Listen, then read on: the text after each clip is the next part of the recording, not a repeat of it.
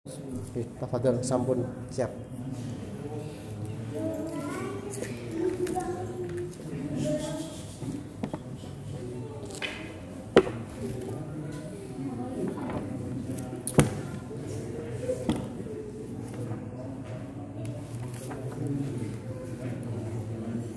Bismillahirrahmanirrahim. Assalamualaikum warahmatullahi wabarakatuh Innalhamdulillah Nahmaduhu wa nasta'inuhu wa nasta'gfiruh Wa na'udhu billahi min sururi anfusina wa sayyati amalina. Man yahdihillahu falamudillalah wa man yudlil falahadiyalah Asyhadu an la ilaha illallah wahdahu la syarikalah wa asyhadu anna Muhammadan abduhu wa rasuluh. Ya ayyuhalladzina amanu taqullaha haqqa tuqatih wa la tamutunna illa wa antum muslimun. Ya ayyuhan nasu taqu rabbakum alladzi khalaqakum min nafsin wahidah wa khalaqa minha zawjaha wa basa minhuma rijalan katsiran wa nisaa'a wattaqullaha alladzi tasaaluna bihi wal arham. Innallaha kana 'alaikum raqibah Ya ayyuhalladzina amanu taqullaha wa qulu qawlan sadida yuslih lakum a'malakum wa yaghfir lakum dhunubakum. Wa man yuti'illaha wa rasulahu faqad faza fawzan 'azima. Fa inna asdaqal hadisi kitabullah. Wa khairal huda huda Muhammadin sallallahu alaihi wasallam wa syarral umuri muhdatsatuha wa kullu muhdatsatin bid'ah wa kullu bid'atin dhalalah wa kullu dhalalatin finnar. A'adzani Allah wa iyyakum minan amma ba'd Wa jami'an. Alhamdulillah atas kenikmatan dari Allah Subhanahu wa taala kita bisa berkumpul di masjid ini dalam rangka menjalankan perintah Allah Subhanahu wa taala melaksanakan sholat maghrib secara berjamaah dan diiringi dengan thalabatul ilmi. Dan mudah-mudahan Allah Subhanahu wa taala masih memberikan kesempatan kepada kita semuanya untuk menunaikan kewajiban sholat isya secara berjamaah. Yang mudah-mudahan itu semua menjadi pemberat timbangan kita semuanya pada hari kiamat nanti. Dan mudah-mudahan ini sebagai pembuka bagi amalan-amalan soleh yang lainnya. Sehingga dengan sebab ini mudah-mudahan Allah Subhanahu wa taala senantiasa membimbing kita kepada jalan kebaikan dan memberikan petunjuk kepada kita kepada pintu-pintu kebaikan yang lainnya. Masyaallah Allah wa yakum jami'an. Pada malam hari ini kita memohon kepada Allah Subhanahu wa taala petunjuk darinya, taufik darinya. Insyaallah kita akan melanjutkan pembahasan kitab Al-Kabair, kitab yang membahas tentang dosa-dosa besar. Tentunya Pembahasan ini adalah pembahasan yang ter terikat dengan perkara-perkara yang jelek, perkara-perkara yang batil, yang itu merupakan bagian dari larangan-larangan Allah Subhanahu wa taala yang konsekuensinya apabila kita telah mengetahuinya adalah kita meninggalkan darinya, kita menjauhinya dan agar jangan sampai kita terjatuh kepadanya. Karena kan kalau seandainya seseorang tidak mengetahui bahwasanya perkara itu adalah perkara yang jelek, perkara yang haram, perkara yang dilarang oleh Allah Subhanahu wa taala, sangat memungkinkan seseorang itu akan terjatuh padanya. Qanuna fil azanillah wa yakum jami'an bab akbarul kabair. Kita memasuki bab yang pertama yaitu bab sebesar-besar dosa besar atau yang paling besar dari dosa-dosa besar. Fi sahihaini an Abi Bakrah radhiyallahu anhu qala qala Rasulullah sallallahu alaihi wasallam ala unabbiukum bi akbaril kabair. Qulna bala ya Rasulullah qala al isyraku billahi wa uququl walidaini wa kana muttaqian fajalasa faqala ala wa qawlu zuri ala wa syahadatu zuri famazala yukarriruha hatta kulna laitahu sakat dari Naam fi sahihaini dalam kitab sahihaini dua kitab sahih yaitu sahih al-Bukhari wa Muslim an Abi Bakrah Nufai bin Haris radhiyallahu anhu qala qala Rasulullah sallallahu alaihi wasallam beliau berkata telah bersabda Rasulullah Shallallahu Alaihi Wasallam, "Ala unabbiukum bi akbaril kabair." Ketahuilah, maukah saya beri uh, saya beri kabar kepada kalian tentang dosa-dosa yang paling besar. Nah, Rasulullah Shallallahu Alaihi Wasallam menyampaikan kepada sahabat-sahabatnya, "Ala unabbiukum bi akbaril kabair." Maukah kalian saya beritahu tentang sebesar-besar dosa besar. Kulna maka para sahabat ketika itu mengatakan bala ya Rasulullah ya, tentu wahai Rasulullah ya, tentu saya mau diberitahu diberi ilmunya tentang dosa-dosa yang paling besar. Qala Rasulullah mengatakan al isyraku billah yang pertama adalah menyekutukan Allah ya. Berbuat syirik. Syirik adalah sebesar-besar dosa. Nah, yang paling besar daripada dosa-dosa besar adalah syirik. Kemudian wa walidaini, durhaka kepada kedua orang tua. Wa kana muttaqian fajalasa. Dan ketika itu Rasulullah Shallallahu alaihi wasallam bersandar kemudian beliau duduk ya. Jadi ketika Rasulullah menyampaikan hadis ini awalnya bersandar. Setelah itu kemudian Rasulullah duduk ya. Faqala kemudian Rasulullah mengatakan ala wa zuri ala wa syahadatu zuri. Ya. Ketahuilah dan qawlu zur ucapan dusta. Ketahuilah wa syahadatu zur dan persaksian dusta. Kemudian Rasulullah SAW ya famazala yukarriruha kata sahabat Abu Bakar Rasulullah senantiasa mengulang-ulang kalimat ini. Wa qawlu zuri wa syahadatu zuri wa qawlu zuri wa syahadatu zuri ya. Ucapan dusta persaksian dusta ucapan dusta persaksian dusta.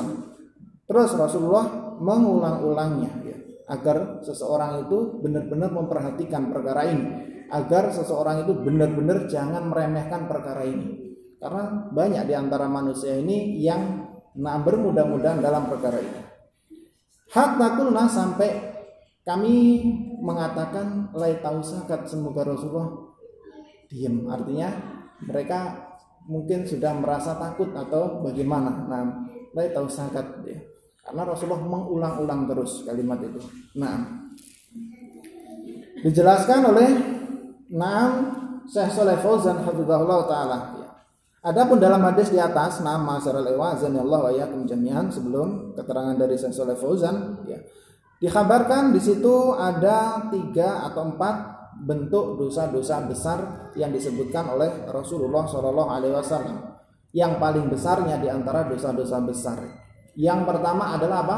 Syirik ya, yaitu menjadikan tandingan bagi Allah Subhanahu Wa Taala dalam urusan rububiyahnya, dalam urusan uluhiyahnya, dalam urusan asma wa sifatnya, menjadikan tandingan bagi Allah Subhanahu wa taala. Nah, ini adalah syirik kepada Allah. Ini termasuk bentuk dosa yang paling besar ya. Wa walidain dan yang kedua apa?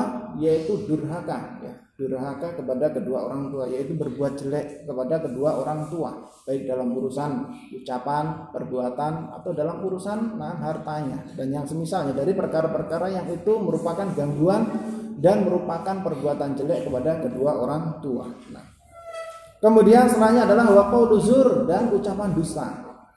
Wa syahadatu zur dan persaksian dusta. Ini termasuk bagian dosa yang paling besar ya. Dijajarkan oleh Rasulullah SAW setelah enam per, uh, setelah penyebutan syirik ya, yang menunjukkan adalah perbuatan ini adalah perbuatan dosa besar.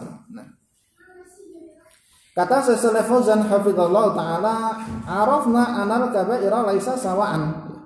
Atau laisat sawaan. Kata beliau kami atau kita telah tahu bahwasanya dosa-dosa besar itu tidaklah sama. Kadarnya ini berbeda-beda bertingkat-tingkat, tidak sama kadarnya ya.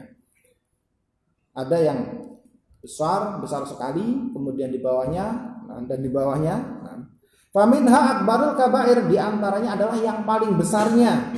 Wa minha maduna dzalika di antaranya pula ada yang di bawah dari yang paling besar. Kemudian kata beliau wasabul mubiqatu ya akbarul kabair. Dan tujuh dosa yang membinasakan ini adalah akbarul kabair sebesar-besar dosa ya. Jadi peningkatan derajat tujuh dosa yang membinasakan umat ini adalah tingkatan dosa-dosa yang paling besar. Sumiat mubiqatan bi anha tuhliku sahibaha. Dinamakan tujuh dosa yang membinasakan ini karena ini akan membinasakan pelakunya. Pelakunya itu akan binasa dengan sebab apa? Dosa tersebut ya.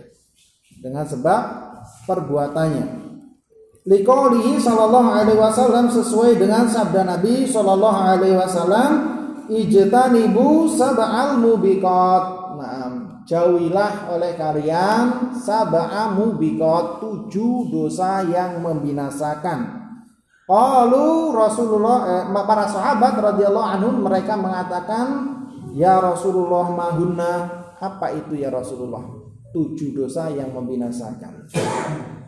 Pada pertemuan sebelumnya telah kita sebutkan naam keterangannya. Qala maka Rasulullah Shallallahu alaihi wasallam menyebutkan yang pertama apa? Asyirku billah. Yang pertama adalah syirik kepada Allah. Ini yang pertama. Yang kedua asihru, sihir. Sihir ini termasuk dosa besar yang membinasakan. Kemudian yang ketiga adalah qatlun nafsi lati haramallahu illa bil. Yang ketiga adalah membunuh jiwa yang Allah haramkan. Illa bil haq kecuali dengan hak yaitu dengan perkara yang dibolehkan. Ada perkara yang naam menghalalkan darah-darah kaum muslimin dikarenakan faktor-faktor tertentu. Nah, Wa riba yang keempat memakan riba. Riba ini banyak terjadi pada manusia tapi sesungguhnya ini perkara yang sangat membinasakan, sangat membahayakan. Bahkan Rasulullah Shallallahu Alaihi Wasallam mengumandangkan perang, mengajak perang kepada orang-orang yang tidak mau meninggalkan riba. Fa'danu biharbin minallahi wa rasulih. Kumandangkan kepada mereka perang dari Allah Subhanahu wa taala dan rasulnya. Nah. Kemudian yang kelima wa aklu malil yatim. Yang kelima adalah memakan harta anak yatim. Ya. Anak yatim ini terkadang ada yang ditinggal orang tuanya dalam keadaan kaya raya. Ya. Banyak di antara anak-anak yatim ditinggal orang tuanya memiliki harta. Ya. Memiliki harta peninggalan orang tuanya. Nah, maka harta-harta mereka ini jangan sampai dimakan. Dimakan ini dalam bahasa uh, sebagai bentuk naam ungkapan bukan maknanya hanya dimakan saja ya, tapi segala bentuk penggunaan ya. Nggak mesti harus dimakan ya. Digunakan untuk perkara-perkara yang lain ya. Harta untuk dinikmati sendiri. Nah, bukan berarti maknanya dimakan semua ya. Artinya umum yaitu mencakup setiap yang dipergunakan ya. Digunakan untuk ini untuk itu untuk kepentingan sendiri ya. Ini juga termasuk bagian dari memakan harta anak yatim. Kemudian yang keenam yaitu tawaliyah mazahfi lari di medan ya, di medan pertempuran. Ketika terjadi pertempuran enam kaum muslimin melawan orang-orang kafir ya, dalam pertempuran, kancah pertempuran. Dia lari meninggalkan ya. Atau bahkan pergi sebelum berperang, meninggalkan sebelum berperang ya. Termasuk awal yama zafi. Yang seperti ini ini termasuk bagian dari dosa besar yang membinasakan. Kemudian waqadlul waqadfu. Nah, waqadfu al-muhsinatil mu'minatil ghafirati. Kemudian yang ketujuh adalah menuduh. Menuduh seorang wanita yang terjaga, yang mukminat dengan tuduhan-tuduhan zina ya. Ini enggak dianggap remeh, termasuk tujuh dosa yang membinasakan, termasuk sebesar-besar dosa. Menuduh seorang mukminah yang muksinat, yang bagus, yang terjaga kehormatannya dengan tuduhan-tuduhan zina, tuduhan-tuduhan yang tercela semacam itu. Nah,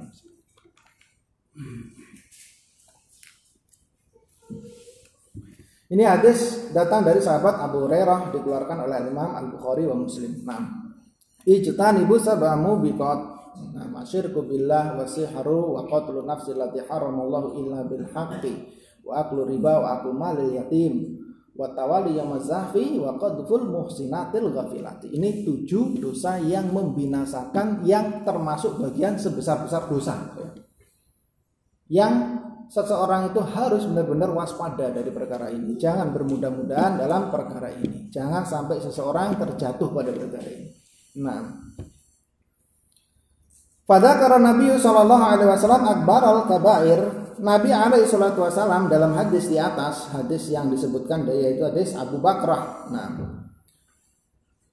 Nabi alaihi wasallam menyebutkan sebesar-besar dosa Wa awwaluha asyirku billah yang pertama Nabi alaihi salatu wasallam menyebut adalah asyirku billah, syirik kepada Allah.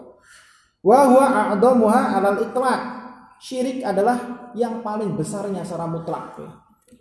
Jadi syirik adalah dosa yang paling besarnya. Ya. Ini seseorang itu terkadang meremehkan ya. Karena mereka tidak mengetahui betapa besar yang dimaksiati, betapa besar yang dizolimi ya mereka nggak menyangka bahwasanya mereka telah mendolimi seagung-agung zat yaitu Allah Subhanahu wa taala mereka dolimi mereka menunaikan hak Allah kepada selain Allah ya. memberikan hak Allah kepada selain Allah ya. ibadah itu haknya Allah malah dia tunaikan kepada selain Allah ya. hanya saja sebagian manusia ini tidak mengetahui apa itu syirik ya dan mereka tidak memahami kalau seandainya yang diperlakukan yang diperbuat itu adalah merupakan kesyirikan karena mereka tidak mengetahui bahwasanya perkara-perkara yang diamalkan itu termasuk bentuk-bentuk ibadah bentuk-bentuk pendekatan diri yang mereka anggap ini bukan suatu ibadah ya. Seperti seseorang contohnya i'tikaf di kuburan ya. Ini termasuk bentuk ibadah kemudian meminta berdoa kepada penghuni penghuni kubur ya, meminta hajat kepada penghuni kubur ya. Ini terkadang sebagian manusia nggak menganggap bahwasanya itu syirik. Padahal yang namanya kesyirikan ini terkadang dia hiasi oleh setan seakan-akan itu bentuknya ibadah ya. Dia berdoa kepada nabi. Oh, nabi kok diminta itu di apa namanya? dimintai doa kok dikatakan sebagai syirik. Nah, tawasul kepada nabi, meminta kepada nabi hajah-hajah mereka supaya dipenuhi oleh Nabi alaihi salatu wasallam atau bahkan kepada para malaikat. Atau kepada wali-wali orang-orang soleh. Ini yang seakan-akan di sisi mereka ini bentuk ibadah. Bentuk pendekatan diri kepada Allah Subhanahu wa taala melalui mereka. Menurut mereka ya mereka inilah yang menyampaikan hajahku kepada Allah. Ya sehingga saya meminta kepada mereka supaya menyampaikan hajatnya kepada Allah Subhanahu wa taala. Padahal Allah Subhanahu wa taala tidak butuh perantara, langsung aja berdoa kepada Allah Subhanahu wa taala. Justru ketika dia meminta kepada sesuatu yang itu sudah tidak mampu untuk menyampaikan kepada Allah Subhanahu wa taala karena mereka sudah meninggal dunia ya. Jadi kalau mereka masih hidup mintakan doa kepada Allah mereka mampu tapi ketika sudah meninggal dunia mereka sudah tidak mampu lagi memintakan kepada Allah Subhanahu wa taala.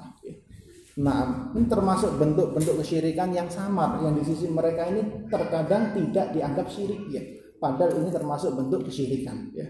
Berdoa, bertawasul kepada selain Allah Subhanahu wa taala. Bertawasul dengan tawasul yang dilarang ya. Tawasul ini ada tiga perkara yang dibolehkan. Yang pertama adalah bertawasul kepada siapa? Kepada nama-nama dan sifat-sifat Allah. Berdoa kepada Allah dengan menyebutkan nama-nama dan sifat-sifat Allah. Yang kedua, tawasul dengan amalan-amalan soleh. Ya, kita meminta kepada Allah dengan menyebutkan amalan soleh yang dahulu pernah kita lakukan. Ini seperti apa yang terjadi pada tiga orang yang masuk terperangkap dalam dua. Ketika dia hendak menyampaikan permohonan kepada Allah, mengingat ya dahulu saya pernah melakukan amalan soleh demikian demikian disebutkan. Yang pertama adalah orang yang naam ketika itu birul walidain berbakti kepada kedua orang tua.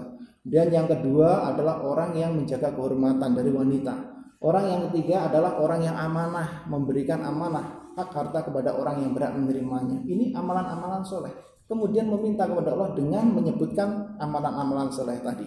Sehingga dengan sebab itu Allah kabulkan permintaan mereka sehingga batu yang menutup pintu mereka tergeser. Mereka bisa keluar dari dalam gua tersebut ya. Kemudian di antaranya adalah berdoa dengan orang-orang soleh. Artinya apa? Meminta tawasul dengan orang-orang soleh yang masih hidup yaitu meminta mereka mendoakan kepada Allah Subhanahu wa taala. Mereka mendoakan ini termasuk perkara yang dibolehkan. Zaman dahulu Nabi wasallam sering enam ada orang meminta doa kepada Nabi. Doa minta diturunkan hujan ya. Nabi wasallam enam berdoa kepada Allah Subhanahu wa taala agar diturunkan hujan ya. Walaupun sebagian para ulama yang menganggap bahwasanya meminta seperti ini juga bukan termasuk perkara yang disyariatkan. Artinya apa? Kalau seandainya cuma berdoa kepada Allah Subhanahu wa taala setiap kita bisa sama dia. Enggak perlu minta-minta kepada orang lain untuk mendoakan ya. Wallah alam bisawab. Ya ini tiga tawasul yang diperbolehkan. Nah. Kemudian di antara yang disebutkan oleh beliau yaitu disebutkan oleh Allah, uh, Rasulullah Shallallahu Alaihi Wasallam awalnya yang pertama adalah syirik billah. Dosa-dosa besar yang pertama adalah syirik kepada Allah Subhanahu Wa Taala. Wa wa adamu ala itlaq. Syirik ini adalah yang paling besar dari dosa-dosa secara mutlak. Jadi yang paling besarnya secara mutlak adalah syirik ya. Syirik ya. Syirik kecil pun itu lebih besar daripada dosa-dosa besar yang lainnya ya. Dosa besar termasuk bagian dosa besar apalagi syirik besar. Kalau syirik besar ini sudah konsekuensinya yang pertama akan menghilangkan keimanannya keluar dari Islam. Yang kedua konsekuensinya dia naam akan kekal di neraka. Yang konsekuensi selanjutnya akan menghapuskan seluruh amalan-amalannya ya. konsekuensinya lagi ketika seseorang itu mati dalam keadaan membuat dosa syirik tidak mungkin diampuni dosanya. Ya. tidak akan mungkin diampuni. Ini termasuk dosa-dosa besar yang naam sangat membahayakan. Li'annahu la yukfaru illa bitaubati karena dosa syirik tidak akan diampuni kecuali dengan taubat. Ya. wa sahibuhu mukhaladun finari. Dan pelakunya akan kekal di neraka. Pelakunya akan kekal di neraka bi khilafi al kabair ladzi duna syirki berbeda dengan dosa-dosa besar yang di bawah dari kesyirikan. Nah. Fa innaha in udhiba sahibuha fin nari fa innahu la yukhaladu fiha. Walaupun pelaku dosa-dosa besar kalau seandainya diadab di neraka ya, selain dosa syirik di bawah dosa kesyirikan. Walaupun dia masih nanti diadab di neraka, nah La maka dia tidak kekal di dalamnya. Ya. Walaupun ketika seseorang ini terkadang ketika melakukan dosa besar, ada konsekuensi darinya, yaitu Allah Subhanahu wa taala akan mengadabnya. Ya. Tapi adab yang Allah Subhanahu wa taala berikan kepadanya di neraka nanti tidak menjadikan dia kekal. Pada saatnya nanti dia pun akan dikeluarkan dari neraka ya. Ketika sudah bersih dosa-dosa yang telah dia lakukan yang itu sebagai bentuk balasan dari Allah Subhanahu wa taala diadab di neraka, kalau sudah bersih sudah selesai dikeluarkan dari neraka, kemudian dimasukkan ke dalam jannah, enggak kekal di neraka. Nah, Waqad la yu'adzabu wa ya'fullahu anhu wa la yu'adzibuhu. Bahkan terkadang pelaku dosa besar di bawah kesyirikan ini tidak diadab oleh Allah. Bahkan diampuni oleh Allah Subhanahu wa taala. Dan Allah tidak mengadabnya. Mungkin saja, mungkin saja ini kehendak Allah. Jadi dosa besar yang dibawa dari kesyirikan tahta masyiatillah di bawah kehendak Allah Subhanahu wa taala. Jika Allah berkehendak mengadab, Allah akan mengadab. Dan jika Allah berkehendak mengampuni akan diampuni. Ini dosa besar di bawah kesyirikan ya. Maaf. Kemudian dosa besar yang kedua adalah ukukul walidaini, durhaka kepada kedua orang tua. Nah, ini juga perkara yang perlu diperhatikan. Ini perkara yang nah, perlu dijaga. Sebagian kita masih hidup orang tuanya. Sebagian kita telah meninggal dunia. Nah, yang masih hidup maka hendaknya dia benar-benar berbakti kepada kedua orang tuanya dan jangan sampai dia menyakiti kedua orang tuanya. Jangan sampai dia berbuat durhaka kepada kedua, orang tuanya. Nah, Demikian juga yang telah meninggal orang tuanya masih ada kesempatan baginya untuk berbakti kepada keduanya dengan mendoakannya, menyambung dengan orang-orang yang dahulu disambung oleh kedua orang tuanya. Nah, ini termasuk bentuk bakti kepada kedua orang tua. Nah, Lianna Allah jalla wa ala lama dzakara haqqahu dzakara haqqal walidaini. Dikarenakan Allah Subhanahu wa taala tatkala menyebutkan hak-haknya, menyebutkan hak-hak Allah Subhanahu wa taala, Allah mengiringi dengan menyebutkan hak kedua orang tua. Allah Subhanahu wa taala berfirman, "Wa'budullaha wa la tusyriku bihi syai'an wa bil walidaini ihsanan." Sembahlah oleh kalian Allah semata dan jangan kalian menyekutukan Allah dengan sesuatu apa pun Wabil walidaini ihsana dan terhadap kedua orang tua hendaknya dia berbuat baik. Ya, Allah menggandengkan, mengiringkan hak Allah Subhanahu wa taala kemudian setelah itu hak kedua orang tua menunjukkan hak mereka ini sangat besar. Setelah hak Allah Subhanahu wa taala hak mereka yang harus kita tunaikan ya. Besarnya hak mereka ini ma'asyiral ikhwah rahimani wa rahimakumullah jami'an menunjukkan syariat Islam ini sangat memperhatikan hak kedua orang tua ya. Bahkan termasuk amalan-amalan kebajikan yang akan bisa menyebabkan pelakunya masuk ke dalam jannah mudah bahkan termasuk pintu-pintu jannah melalui mereka banyak sekali ya disebutkan dalam hadis Nabi alaihi salatu wasallam rogiba anfun rogiba anfun rogiba anfun Rasulullah SAW pernah ya naik ke atas mimbar kemudian sambil mengucapkan celakalah seseorang, celakalah seseorang, celakalah seseorang ya. Kemudian para sahabat ketika itu bertanya kepada Nabi, kenapa Nabi mengucapkan demikian ya? Kemudian Rasulullah merinci antaranya adalah rogiba amri'in ya dukir tu indahu walam yusalli alayya ya. Atau celakalah seseorang ada tiga perkara yaitu orang yang nah, menjumpai bulan Ramadan Kemudian dia keluar dari bulan Ramadan dalam keadaan tidak diampuni. Ya. Ini mendapatkan doa celaka. Kemudian setelah itu Rasulullah SAW menyebutkan yang kedua adalah yaitu nah dia mendapati kedua orang tuanya atau salah satu dari keduanya hidup dan kedua-duanya itu tidak menyebabkan dia masuk ke dalam jannah. Ya. Tidak menyebabkan keduanya eh, apa keduanya itu tidak menyebabkan mereka masuk ke dalam jannah Disebabkan apa? Dia terhalangi dari berbakti kepada keduanya. Tidak berbakti kepada kedua. Kemudian yang terakhir, dzikir tu'indahu walam yusalli alaihi. Aku disebut di sisinya, namaku, nama Rasulullah Shallallahu Alaihi Wasallam disebut di sisinya dan dia tidak bersolawat kepadanya. Ya. Ini termasuk yang mendapatkan dosa uh, doa dari Nabi Alaihi Wasallam doa kejelekan ya. Nah, ini syahidnya adalah yaitu ucapan Nabi alaihi wasalam uh, dia mendapati kedua orang tuanya hidup dan tidak menyebabkan dia masuk ke dalam jannah ya. Nah, Kemudian dalam ayat yang lain Allah Subhanahu wa taala berfirman wa qadara rabbuka alla ta'budu illa iyyahu wa bil walidaini ihsana. Ini juga diiringkan kembali ya.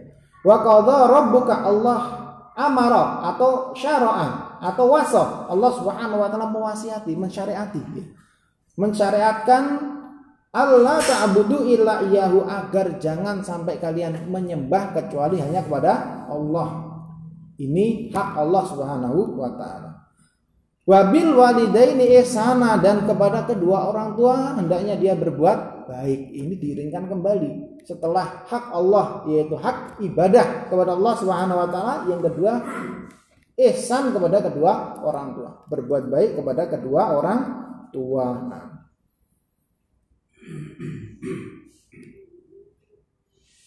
Dan bentuk-bentuk durhaka kepada kedua orang tua itu sangat banyak ya untuknya ya.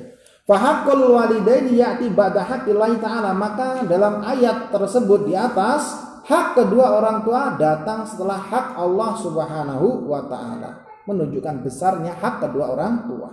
Wa uququl walidaini wa hum al-isa'atu ilaihima. Dan bentuk durhaka kepada kedua orang tua adalah al-isa atau ilaihima. Berbuat jelek kepada keduanya. Ya. menyakiti keduanya. Ya. bahkan disebutkan dalam Al-Qur'an dalam firman Allah Subhanahu wa taala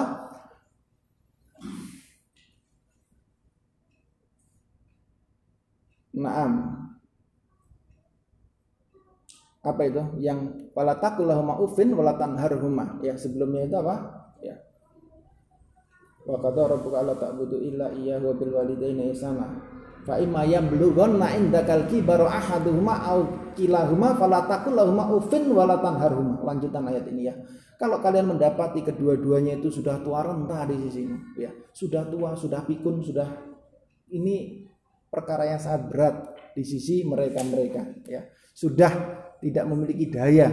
Kadang segala sesuatunya di butuh untuk di layani. Segala sesuatunya sesuatunya itu butuh untuk dibantu. Nah dalam kondisi seperti ini falatakullahumma ufin jangan kalian mengucapkan kepadanya uh uf dari kalimat-kalimat yang senada dengan ini. Yang menunjukkan kalau dia itu keluh kesah dan akan menjadikan perasaan kedua orang tuanya itu sedih dengan sebab ucapan tersebut. Itu pun dilarang ya. Falatakullahumma ufin jangan kalian katakan kepada keduanya uh ah ya apalagi sampai menghardik walatan harhuma dan jangan kalian hardik keduanya ya. Dan biasa. Nah, kalau orang tidak memiliki ilmu tentang perkara ini, terkadang ketika mendapati orang tuanya seperti ini, dalam keadaan dia capek, dalam keadaan dia repot melihat orang tuanya dalam keadaan ada sesuatu yang tidak dia sukai ya.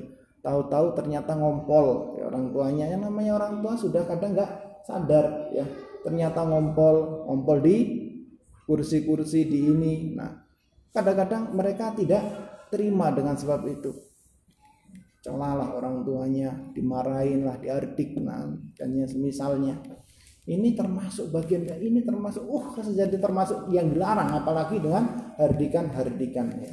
Oleh karenanya kondisi seperti ini adalah kondisi yang seorang itu benar-benar diuji oleh orang tuanya. Nah, diuji oleh orang tuanya. Dan kita harus ingat ya, dahulu orang tua kita juga ketika mengurus kita masih bayi juga demikian ya.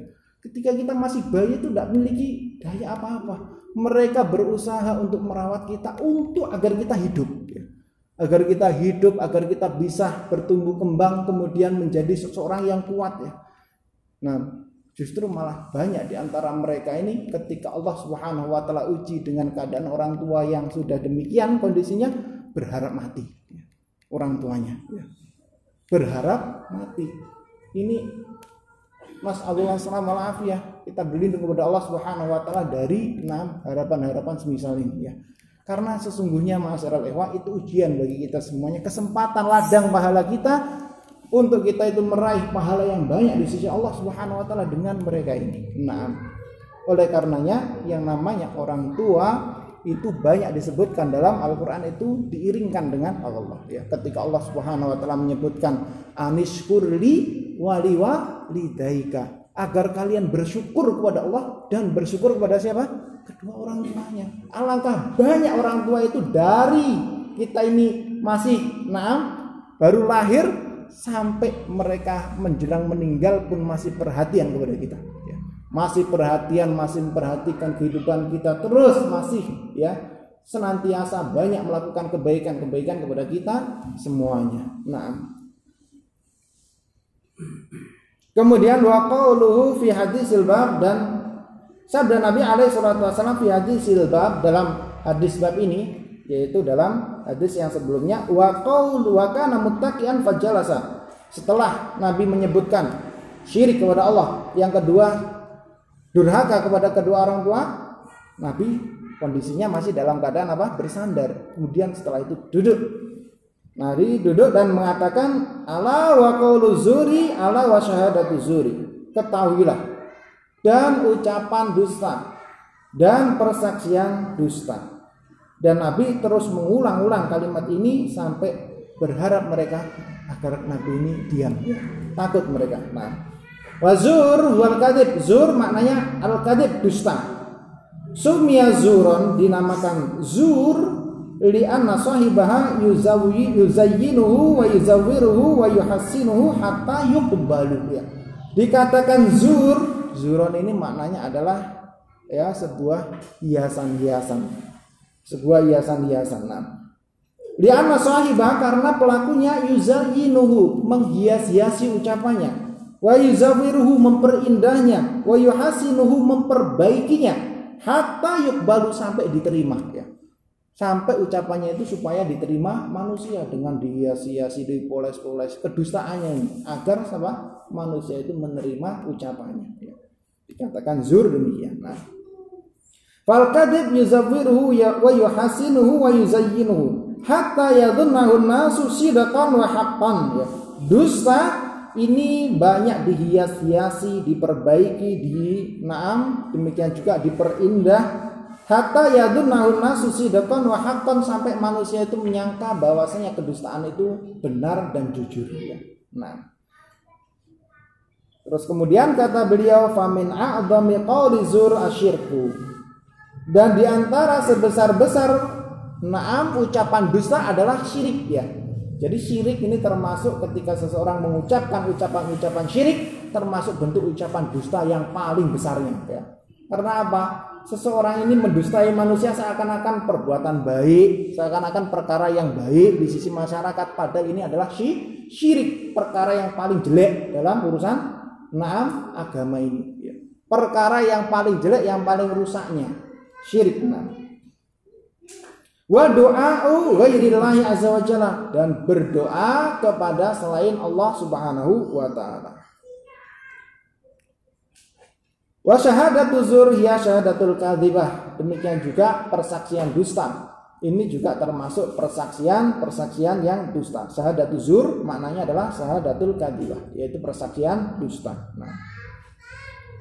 Wa min syahadatu zur di antara bentuk syahadatu zur asyhadatul lati yushidu biha indal qadhi yaitu tatkala seseorang bersaksi dengan persaksian dusta di sisi qadhi, di sisi hakim ya ketika dia terjadi sesuatu perselisihan, persekongkolan dengan manusia dengan lawannya ya. Kemudian dia bersaksi dengan persaksian dusta di sisi ha, hakim di sisi kodi.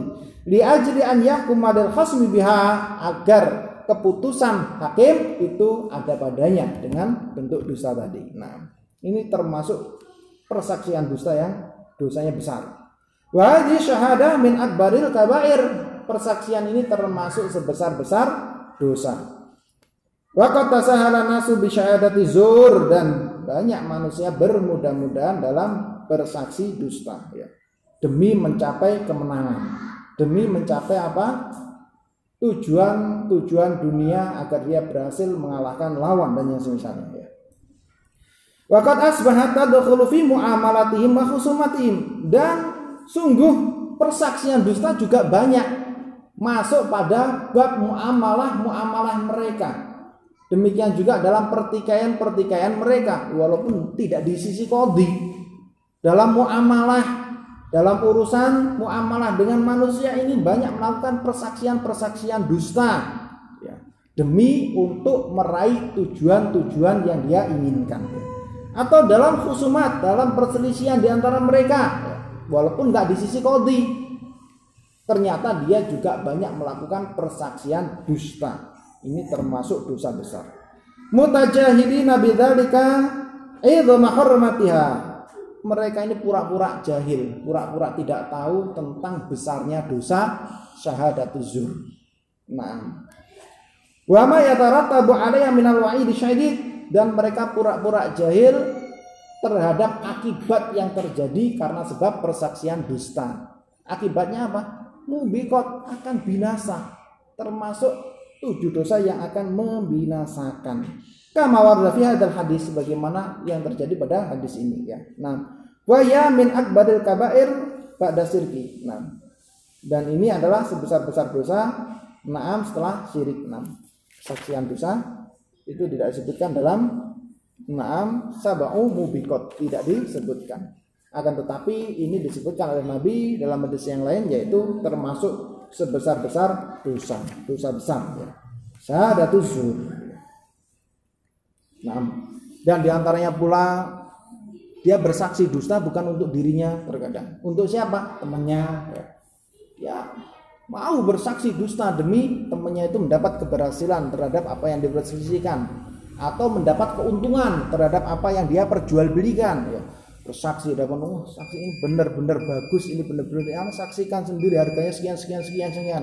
Demi Allah bahkan dengan kata-kata sumpah masalah ini demi larisnya perdagangan temannya. Ini termasuk bentuk persaksian dusta yang ini masuk dalam enam ancaman Nabi alaihi salatu wasallam dalam hadis ini ya Wallahu alam biswab ya mungkin ini yang bisa anda sampaikan pada malam hari ini. Kurang lebihnya mohon maaf. Subhanakallahumma bihamdika. Asyhadu an la ilaha illa anta astaghfiruka wa atubu ilaik